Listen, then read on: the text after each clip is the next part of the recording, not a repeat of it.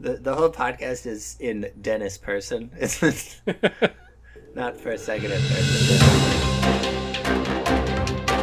Good evening and welcome to Presidential Deathmatch, the only presidential debates that matter. My name is Aaron Garrett, and joining me as always is Dennis Buddy. Hello. On today's program, where in time is Dennis Buddy? Franklin Pierce gets to Las Vegas 100 years early, and Nixon spices up his bachelor party by adding ketchup. All that and more on today's Presidential Deathmatch. This week on the podcast, Dennis and I will be doing a Coolidge Davis style debate, which means the person against segregation wins. Can't wait to find out who that'll be. Dennis, how are you doing today? Good. It's storming. Yeah, it's raining here too. We just I just got back from my first meal in a restaurant in several months. Whoa, where'd you go? Yeah. I went to Taste of Texas. So tomorrow we're recording this on May 24th. Tomorrow is mine and my brother's birthday. Hey, happy Yeah, so- Thank you. So we went to Taste of Texas, which is a steak restaurant here in Houston, and we had a very very big meal. awesome. We have some retractions from last week. Okay. We have the biggest retraction we've ever had to make. No one brought up Martin Van Buren last week. Oh no. and that is just not something that this podcast stands for. yeah. Oh is man. not talking about the MVB. Someone please imagine us talking about what Martin Van Buren would have tasted like, and presidential deathmatch regrets the error. Oh man, yeah. Ever since Craig brought up the uh, the the the relationship between Martin Van Buren and his movie, it's made it scarier to bring up Van Buren. I don't think so because America hasn't been destroyed by a Nuktana, which means that if we assume that absolutely everything that happens in America, much like everything in an ant colony serves the queen, Uh-huh. everything in America serves its president. Uh, that means that Martin Van Buren himself saved America from the Yucatana and the Trail of Tears. It was just a necessary part of that. Like we may regret that the Trail of Tears happened, but it saved America. Uh, is the official stance of the podcast. I think both Dennis and I. it's the official stance of Aaron. I would I would love to uh, submit that rewrite for Craig's movie if they'll if they'll take it. If anyone listens to the podcast and wants to make art for us, I would be excited if the Yucatana became the presidential deathmatch m- mascot. Yeah, that would be cool. Oh, or Martin Van Buren, or Martin Van Buren riding an Uktana. Oh, Because if he has the jewel, he controls it. right. I think that's what it should be. Martin Van There Buren riding an Uktana and holding a jewel, and behind him Wolverine and and Jean Grey Yeah. are in the X plane. While it doesn't seem historically accurate, what he really stands for is uh, equality between mutants and, and humans. Oh, absolutely. Eh, uh, w- this sadly is not a Van, Martin Van Buren podcast, but if we wanted to dig into his later politics in the Free Soil Party, I don't necessarily think that the ideology of the Free Soil Party is too terribly far from mutants. Yes. Um, I have something I'm going to put in the retraction section because it's a follow up. Uh, I uh, Carolyn got her master's degree on Saturday. Woo! Very exciting. She's continuing for a PhD, but it was still really cool. We watched the ceremony and stuff on, online. In the morning, we were we were figuring out what cocktails we could make that would be burnt orange and stuff. And and Andrew FaceTimed us with his fiance Kara, and they were calling to say happy wedding day and everything. And uh, we were like, "Oh, thank you. That's actually next Saturday." And Mhm. he was like, "Oh, cool, cool." And then he was like, "Wait, but it's not next Saturday." And I was like, "No, no, it was. It's May thirtieth. It's not till next Saturday." And he like, so last week on the podcast, I think it made it to the final cut. He was he said like that we should do this. Oh no, it didn't. But we talked about the best man Yes. topic. We forgot to. So the retraction, I guess, is we forgot to say what we were doing this week last week.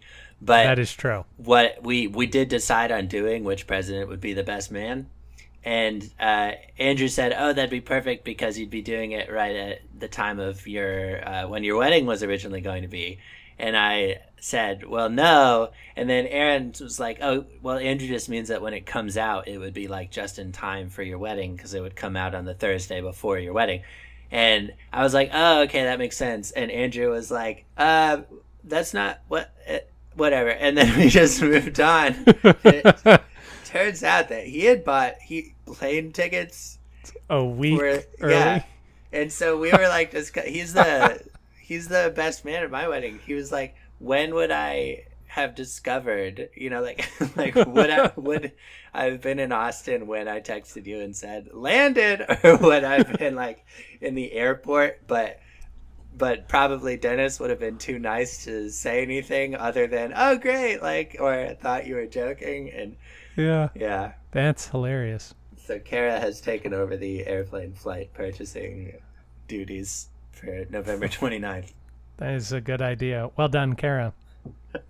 Also, congratulations, Carolyn, on your master's degree. I think that this is as good a time as any for Dennis and I to award our first Presidential Deathmatch Medal of Freedom Yes. to Carolyn Cooper for for her services to the sciences. Indeed. A civil engineer. How did the orange cocktails work out?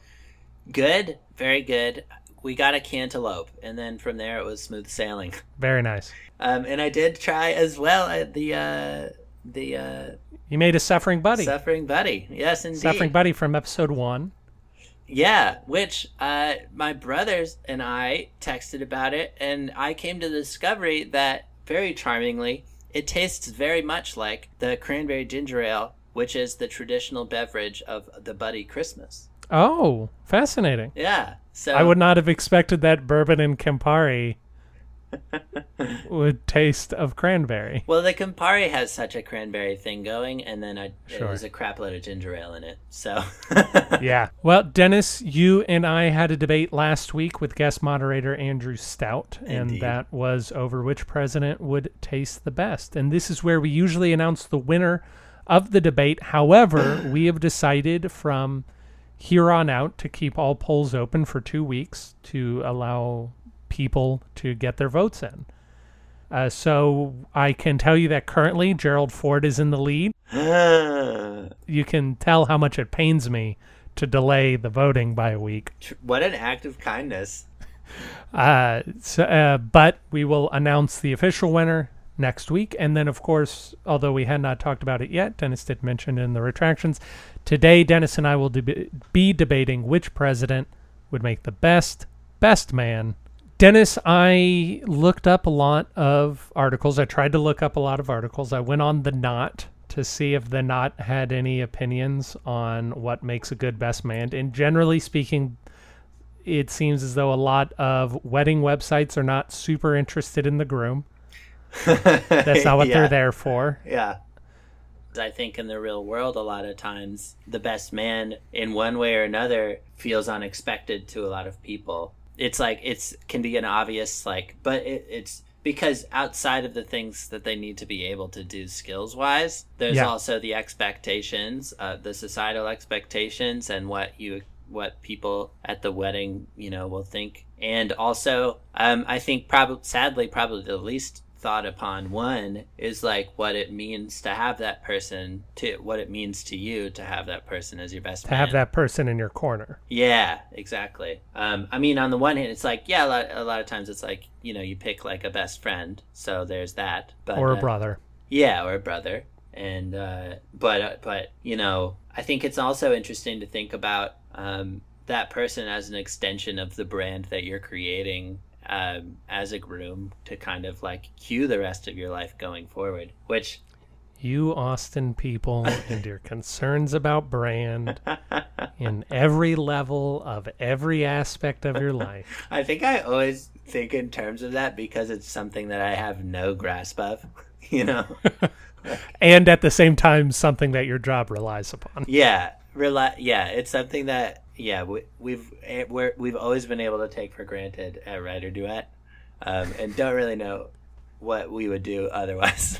we have both chosen a best man. I I got married a number of years ago. You were going to get married this week. We'll get married later on this year, but but both of us had the opportunity to choose a best man and to see how that best man either lived up or didn't live up to our expectations. That's true. Have you had the opportunity to be a best man? No, kind Okay. of.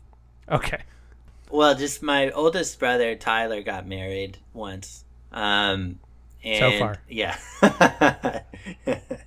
he kind of did like he didn't want to kind of do a best man because we were all his best men, if I remember correctly, You and Craig, or were there more people? and others. Oh, all, all the groomsmen were best men. Yeah, Craig and I and and uh, Tyler's brother-in-law, who's very close with. We also that we we that we're all quite quite musical, the three of us. Yep. Um, the like Tyler's brother-in-law and Craig and I. So we Craig composed a piece of music that we played um, when they came when Tyler came down the aisle.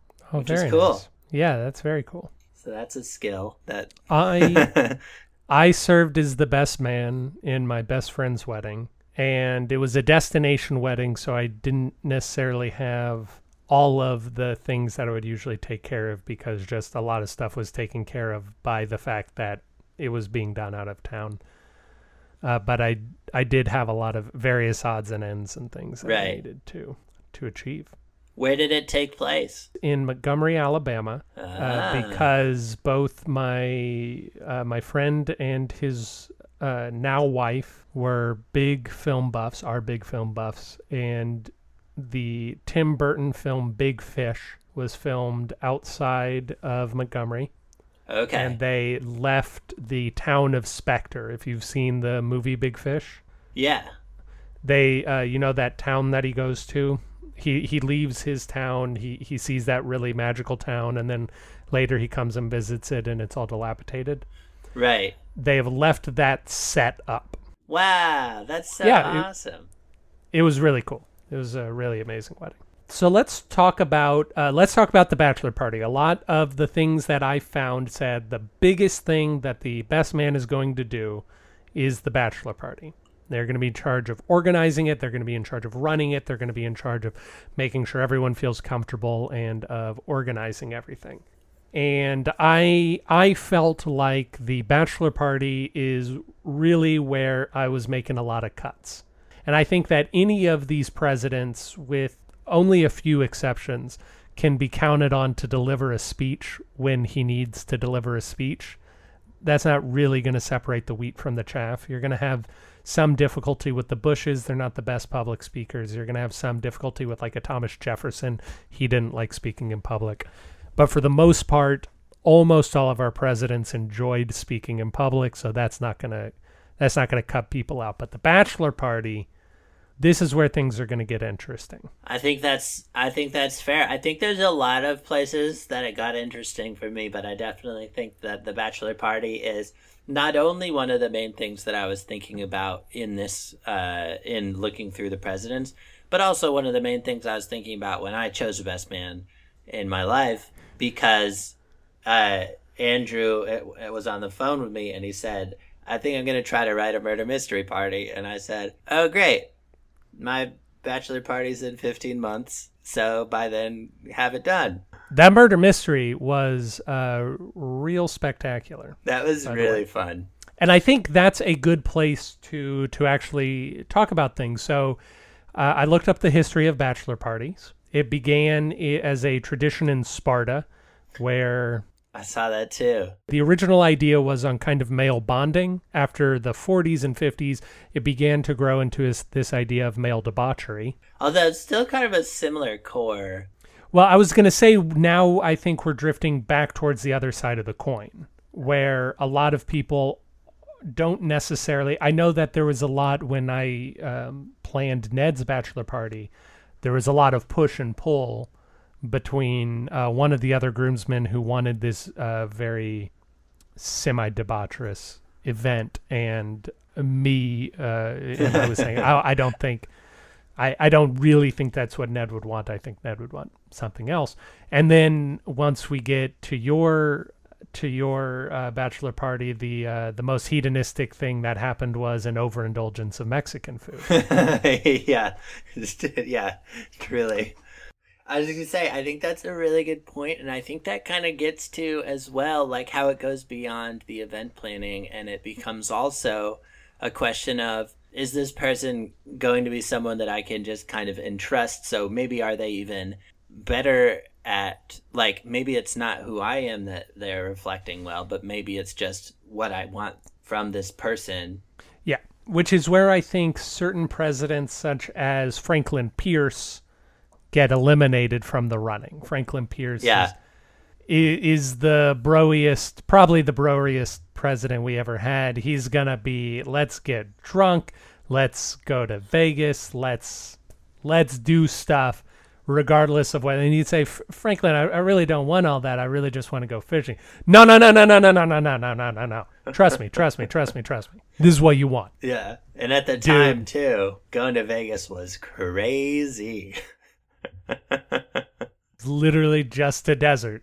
At the same time, I think that you want a president who can be loose. There there are a lot of presidents who for a variety of reasons don't drink and I also kind of eliminated them. And I don't know if that was fair or not, but I figured that some level of good food and drink is is endemic for a bachelor party. So uh, Dennis, if we can play a little game here, I have a list of six presidents who did not drink. Okay. Five presidents, sorry, five presidents who did not drink. Can you tell me who they are?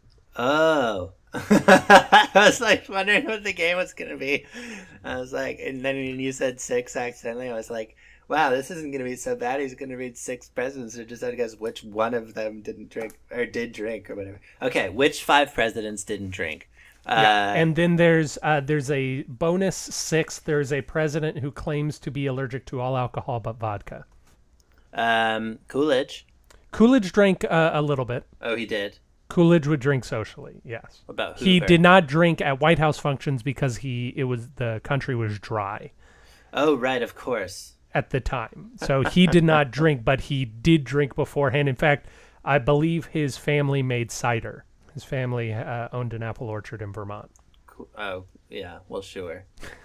uh, I remember reading that Hoover also like would drink in embassies. Yeah, he would go to Belgian embassy at happy hour so that he could legally drink during his presidency. Um, so I'm thinking, I almost feel like uh, maybe like nobody, no one like from after World War One even. so three of the five were presidents after 1960. What? You know what? You've brought one of them up on the podcast before and specifically mentioned that he didn't drink. Really? Yeah. Oh, well, the first did the first Bush maybe Second Bush. The second Bush. Oh, Second was- Bush. So second Bush, uh, both sides of the coin, real hard partier in his youth. After age 40, decides to not drink anymore. So I don't think you want him as your best man on either side of that. Although I don't know, cause that I, cause I almost feel like you know, in a way, that's almost kind of nice to have that person who's kind of like coming to it from this place of, look, I know what it means. I know how to create a fun experience, but I also I have that kind of wisdom that you're looking for going into this next chapter, and so I'm not I'm I'm going to go into planning this with that kind of understanding of what's to come for you so that I don't ruin it. Which is kind of almost like a security, you know? We can agree to disagree. so, but but Bush is one. Uh, the other one is someone that I, I would probably call our most religious president, or most outwardly religious president, certainly our most outwardly re- religious modern president. Interesting. Also had a family farm. Uh, um, the peach fellow. Uh, Jimmy peanuts, Carter. yes, Jimmy Carter. the peanuts and peaches. I I wouldn't necessarily want to go to a party thrown by Jimmy Carter. Yeah, no, yeah. Also, like, I feel like you gotta get quiet when he's talking to, like, hear what he's saying. I might have that wrong. unless, and I could see this being a very cool bachelor party, unless you're very into the idea of going to Africa to do mission work as your bachelor party. Yeah. then I'd a hundred percent want Carter. Yeah, which would, yeah, that would be cool. Yeah, there's a place for that in in our lives. Indeed. But then again, the question here is, is I'm thinking in terms of my own Exactly. wedding, in which case I chose a murder mystery party, so. Uh, did you know that our current president of the United States, Donald John Trump, Oh yeah, does yeah. not drink. Indeed, man, I can't believe. I think that I got stressed and really blanked on these. Uh, and then uh, our last two presidents who uh, didn't drink Rutherford B. Hayes, who is famous for having a completely dry White House during his presidency, and James K. Polk, who wasn't quite as bad, but he also forbade a lot of alcohol in the White House during his time. Ah. And then the president who claims to be allergic to all alcohol except for vodka is just give me your first guess. Nixon. Clinton. Bill Clinton claims to be allergic to all alcohol except for vodka, which keeps him in the running, in my opinion. So I we talked previously about the Virginia dynasty. We so I thought to myself, the the second banana quality, you know, I don't know the place of that in the best man thing. You know, you don't want someone who's going to steal the show the day of your wedding. You don't want someone who's a little too into their own story to really be all about you for the day. Uh, so I was looking at people along those lines, and I and I was thinking, oh well, you know, Monroe and Madison were both uh, like I've talked about previously, second bananas kind of to Jefferson. They were his apprentices, so they knew how to one have friends, which I think is a question with every president, but also two, they knew how to not just be like in charge all the time because they clearly like really worked for and with others to get to the presidency eventually. This exercise um, I did really enjoy just kind of thinking about the fact that like the it's kind of a I mean you know weddings obviously are lovely. I mean I guess not everyone. I think they're lovely. Uh, you know I'd agree. for yeah for the kind of reasons that one would often bring up like that um, you know that you're you know that you're committing to someone and you're doing it in front of all these people um, and it's very meaningful uh, but I think doing this exercise and kind of looking through them, it was also a new angle on it of just realizing that like this has been, you know, that Spartans were doing this and like really how different could it have been, you know? Um, Yeah. is was kind of uh, beautiful too. Um, so even just that it's lived for so long and um, you know it changes slower than the times, but it's um, things about it, you know, the good parts of it don't change. That like I'm sure so many of these presidents were parts of a bunch of weddings, you know, and like went to a bunch of weddings and probably like we're still just worried about, you know, standing in the right place and stuff, just like Yeah. today. It's just funny to think about. But yeah, Monroe, I was leaning towards at one point because I think him giving a speech would be funny because he and because he's hundred pounds and I No, it's Madison, but or Madison rather, yeah. And, and I imagine that he speaks like Mickey Mouse. But uh um but then I would feel bad that I didn't choose Monroe. And if I chose Monroe, I'd feel bad I didn't choose Madison, which Oh, is no.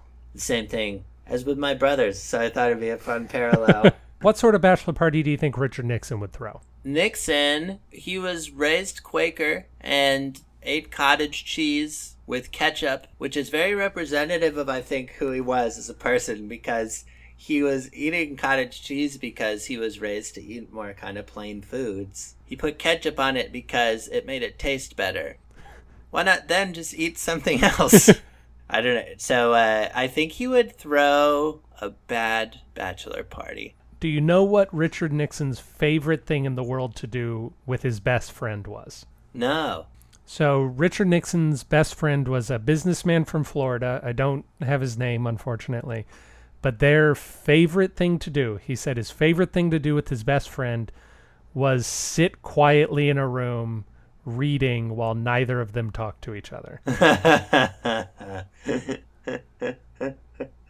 wow, that's so funny. It's it's such a not a thing you do with a, like when you're getting time to hang with a friend because have even having like really close uh fr- male friends is not always the case, you know. Right. And like, so it was making me kind of wonder, like, did some presidents more just kind of fly solo, or like we're all about? There's what that means to you to have that person, and that person be an extension of, you know, be and be part of what it means that you're getting married. You know, that person's gonna be right there. But like, also like what does it repre- like what does it represent for the people at your wedding um i was making me think about that a little bit too like because if you per- if you pick someone particularly inflammatory it's a situation where that's going to be inflammatory. If you pick someone that is not like i strayed a little bit from people who just aren't beloved. Like i thought you know i thought andrew johnson he was he was a tailor as we've said and apparently gifted. Mm-hmm. pretty nice to get a free suit out of the deal That's true. and uh, you know if something goes wrong on the wedding day with you or the bride you're probably going to be able to solve it at lightning speed Yeah, Uh, but you have to keep apologizing for him. yeah what do you mean Oh, I was just trying to finish your thought. I may Right. have let let, but the idea that, yeah, if you choose Andrew Johnson for your best man, people are going to go Andy Johnson, that drunk, yeah and you're just going to have to apologize for him. Yeah people are to be like you know he doesn't have the courage he needed to you know help with reparations after the civil war. And you'd be like he'd be like look he's a friend of mine. And they'd be like i don't think he should be. John Adams was a guy that was tough because John Adams is a guy who did not get along with people, but he was also a guy who cared very deeply about the people that he cared about. It's that very thing maybe that would cause me to stray where i think he'd probably he seems like he'd actually be pretty fun at a to have you know at your party. He was a vice president. He was prob he was good at just being part of it making sure that it was going well.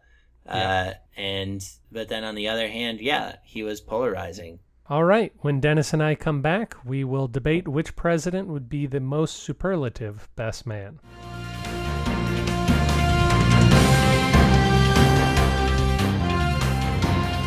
Welcome back. Dennis and I are about to debate which president would absolutely be the finest best man that you could choose at your wedding. Dennis has chosen, william mckinley and I have chosen Chester Alan Arthur. That's how he pronounces his middle name. really Yeah, no, I, he he liked to put the accent on the second syllable for Chester Alan Arthur. when he was a kid, it was like, so is that A L A N or A L L E N? It's A L A N. And so eventually he was just like, a land. Does it sound like I'm saying Alen to you, fool? I might be making him out to be a little more antagonistic than he really is. I'm gonna try and not make any more out of uh, court statements about my Aha! about my fellow. I've already put them on my side. No. All right, uh, Dennis, when you're ready. Uh, okay. William McKinley was um, president right before Teddy Roosevelt, right around the turn of the century from the 1800s to the 1900s. And uh, he's someone that maybe isn't remembered quite as well, but that's because he was more of a what we think of as a classic president today. But that's because he really defined what it means to be that classic president. Um, he and he brought in a new era in a lot of different ways in America in a way that felt like it was just America continuing to change in the way that it was changing. But really, he was nudging things in these little subtle ways when he needed them to.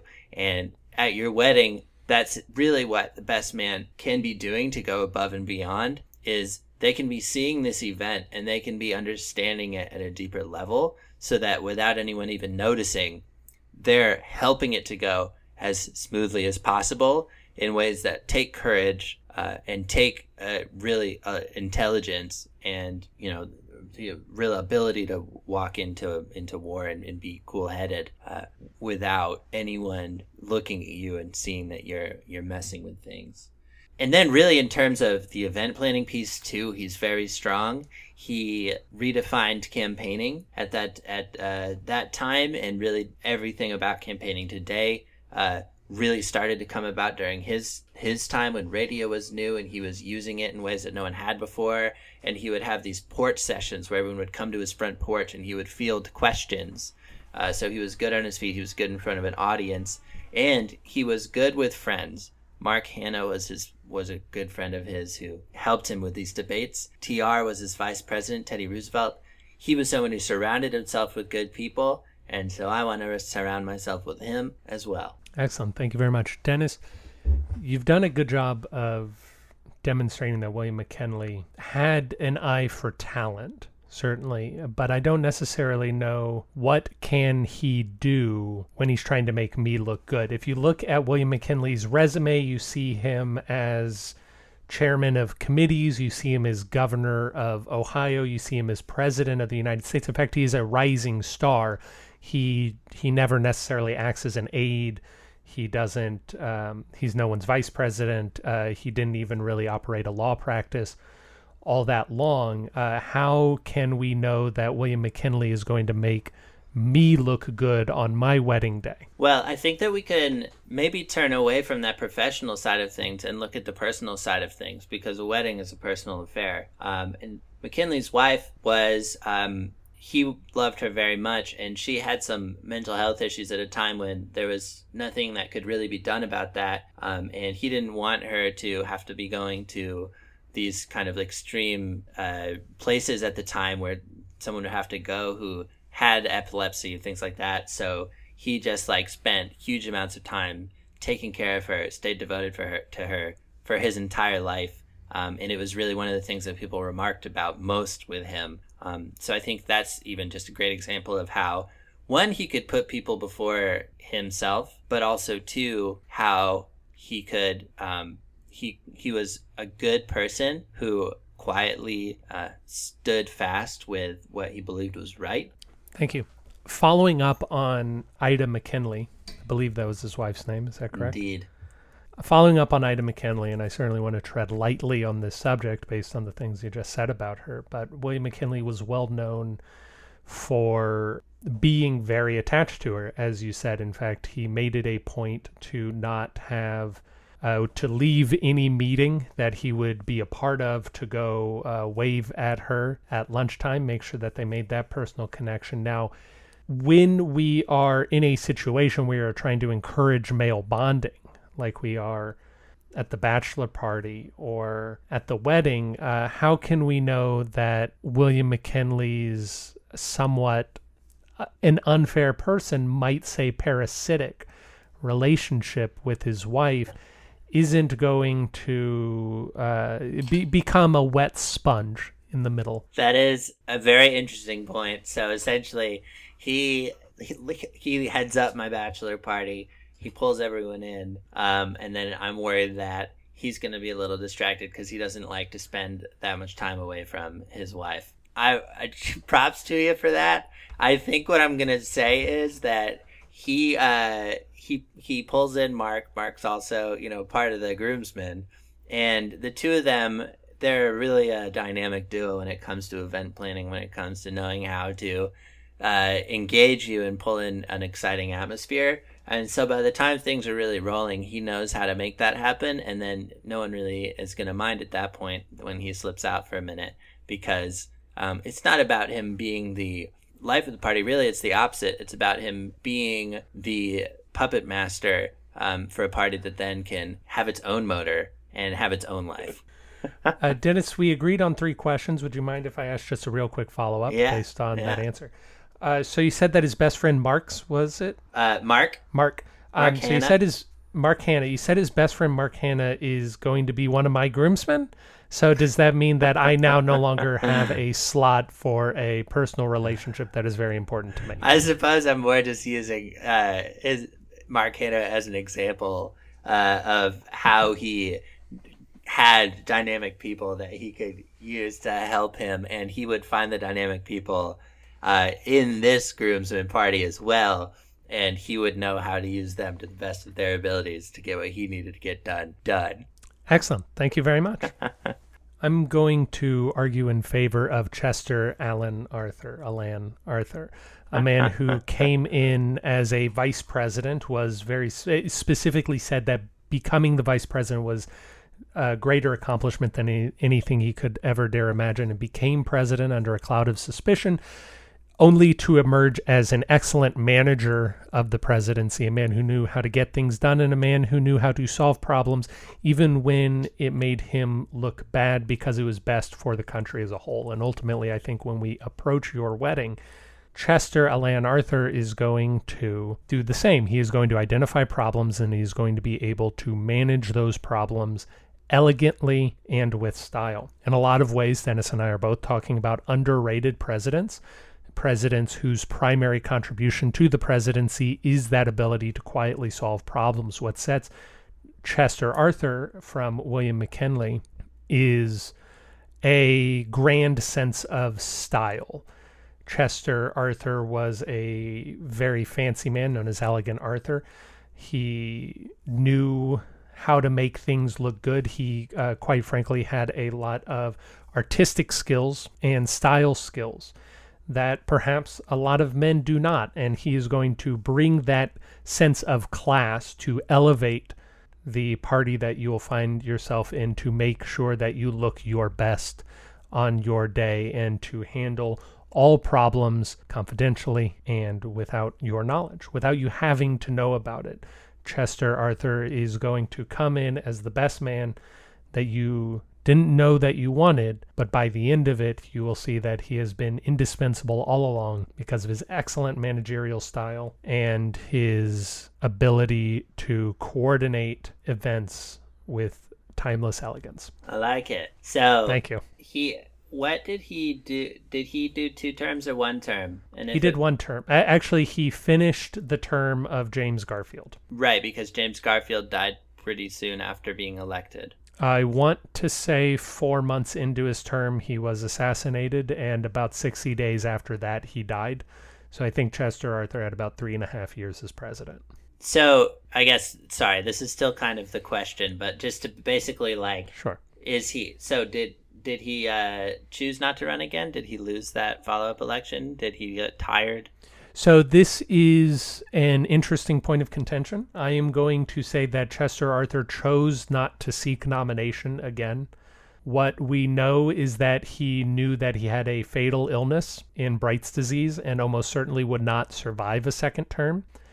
And so he put in a little bit of effort to say that, yes, I am open to receiving the nomination for uh, for the Republican Party for the next four years, but he did not appear to put any effort into actually securing it. Uh, and then he died within two years of leaving office, which he knew he was going to. And I would say that that is a good example of him handling a problem simply. He doesn't need to make a big show of it. He doesn't feel the need to protect his image. He just knows what needs to be done for the party, the same way that he would know what needs to be done in his role at your wedding. How do you imagine you've developed this relationship with Chester A. Arthur such that he's now your best man? Oh, that's fascinating. I actually thank you because I didn't get a chance to talk about it in the opening argument. Chester Arthur threw a lot of parties. He really enjoyed talking with people. And in fact, uh, Chester Arthur rose through uh, the party machine, not Tammany Hall, because I believe Tammany Hall was specifically the Democratic Party machine of New York, but he rose through the political machine uh, for Republicans in New York where he was kind of a ward boss. He would be able to arrange people, so he knew how to find people, talk with them, and uh, persuade them. He knew how to make them feel comfortable. He knew what they needed, and so he was a man who was very adept at talking with all sorts of people at all sorts of levels. Uh, he was also famed for representing black clients. He was a lawyer for representing black clients at a time when that wasn't necessarily uh, in vogue, and he desegregated the New York transit system. And I I think that just goes to show that Chester A. Arthur is a man who knows a lot of people from all sorts of walks of life. And even though he looks very put together and he, he likes putting out a good image, he is a uh, man of the people. So, on the other side of that coin, he reluctantly signed the Chinese Exclusion Act while he was president bringing that up. And I'm curious to know, yeah, what he tried to do to keep that from happening. He vetoed it. Fair. And then Congress overturned his veto. Okay. I so just... I would say that uh, he probably did everything that he could to in his power to avoid signing the Chinese Exclusion uh, Act. I misled. I was misled on that one. Yep. Because Wikipedia just said reluctantly signed which makes it seem like he was like, "Well, if you're gonna twist my arm," but really it was that he just said no. And they got past anyway. That is correct. Alrighty. Well, that was my last question, right? Do you have any other questions? I'd be happy to answer them. No. I asked you four questions, so Well, my first question was uh, a little bit of a waterfall. that's true. All right. So I think we both know that, and all of our listeners know too, that at the end of the day, what we want from a best man is we want someone who's a good person that when they're standing up there next to you, they actually elevate you, uh, and you know they bring out the the things that you share with them or the things that you enjoy about yourself, just like the things you share with y- your bride are the things that you enjoy about yourself or your partner of whomever. Um, and while they both have that, I think that there are some important distinguishing things that set McKinley apart um, outside of that. For example, he had a successful campaign, which is something that we can't say about Garfield. That shows that he has the ability to uh, really uh, make something of the make. He he has the ability to win, um, which is I think a real uh, something that we would we want from our we want from our best man. Um, he's subtle, but also um, he's not going to lose your rings because he's known for protecting gold and the gold standard. he's uh, he's going to get you a really good deal for a Hawaiian uh, vacation afterwards because he uh, annexed Hawaii. Um, he's going to keep you around because he's a lifelong friend of the people in his life, and he's going to bring you to know more great people. And uh, he's he's he's a man of great character at the end of the day, and he's uh, and he's uh, he's someone who knows how to make changes happen without drawing attention to himself. He's someone who brought America into the new century, and he he'll bring you into your new chapter as well, uh, gracefully and without you even realizing how important he was. Chester Alan Arthur is a man who represents what we can be, and I don't necessarily know of a better gift that someone can give on their wedding than that. He lived out his best possible life. He looked the best possible, and he's going to do the same for you. He is going to make you better than you think you can be and as good as your partner deserves when we talk about we want someone good, do we want a man who, when given ultimate power to do whatever it is he wanted, turned around and dismantled uh, an unfair system of patronage? Or do we want someone that Teddy Roosevelt called, uh, said had less backbone than a chocolate eclair, as Teddy Roosevelt said of William McKinley? If we are looking for someone to win, do we want a man who, after two years in Congress, his own constituents said that they did not want him? Or do we want someone who worked tirelessly for the Republican Party for 20 years without drawing a salary to ensure that other people would win their elections, as Chester A. Arthur did. At the end of the day, when we look back on our wedding, your wedding, when you look back at your wedding, do you want to see a man who reminds you of the possibility that exists in each of us and that can grow no matter how late in life you find it? Or do you want to see a man with really terrible bags under his eyes that glares at you like a ghost from behind a priest, as William McKinley does? He's a very creepy looking man. Ultimately, you have before you two good choices, but one, I think, clearly elevated above the rest because of his commitment to party over ideology and a man with commitment to fashion over sense. Thank you. Dennis, uh, we've both had bachelor parties and we've mentioned yours uh, a little bit. I had a lot of fun at your bachelor party, which happened uh, immediately before the lockdown, more or less. Yeah, very Uh, soon before. The murder mystery party was was really great, I thought, and then of course uh, ladder ball tournament. Yes, yeah, extensive uh, monkey balls. Yeah, the murder mystery was fun. I played Klaus Schmidt, but really, Klaus Schmidt was uh, was actually Dennis Buddy in disguise because he was a time traveling. and Did yeah, did Andrew so tell you complex. Did Andrew tell you the origin of that idea? No. So I saw Andrew over Christmas break in uh, at the end of last year, and he told me that he was doing a murder mystery for you. And then I started laughing, and I said, "What if Dennis Buddy? Uh, if Dennis, uh, all of us were playing characters, but Dennis had to play a time traveler who had to pretend to be A character. a character in that world." And Andrew really enjoyed the idea, yes. and of course, gave you a son, uh, little baby Andrew Buddy. Oh yeah. That was very fun. That was also a really great way. Uh, if anyone's thinking of planning a bachelor party, I highly recommend reaching out to Andrew Stout to write a custom murder mystery for you. He's 'Cause it was a- available.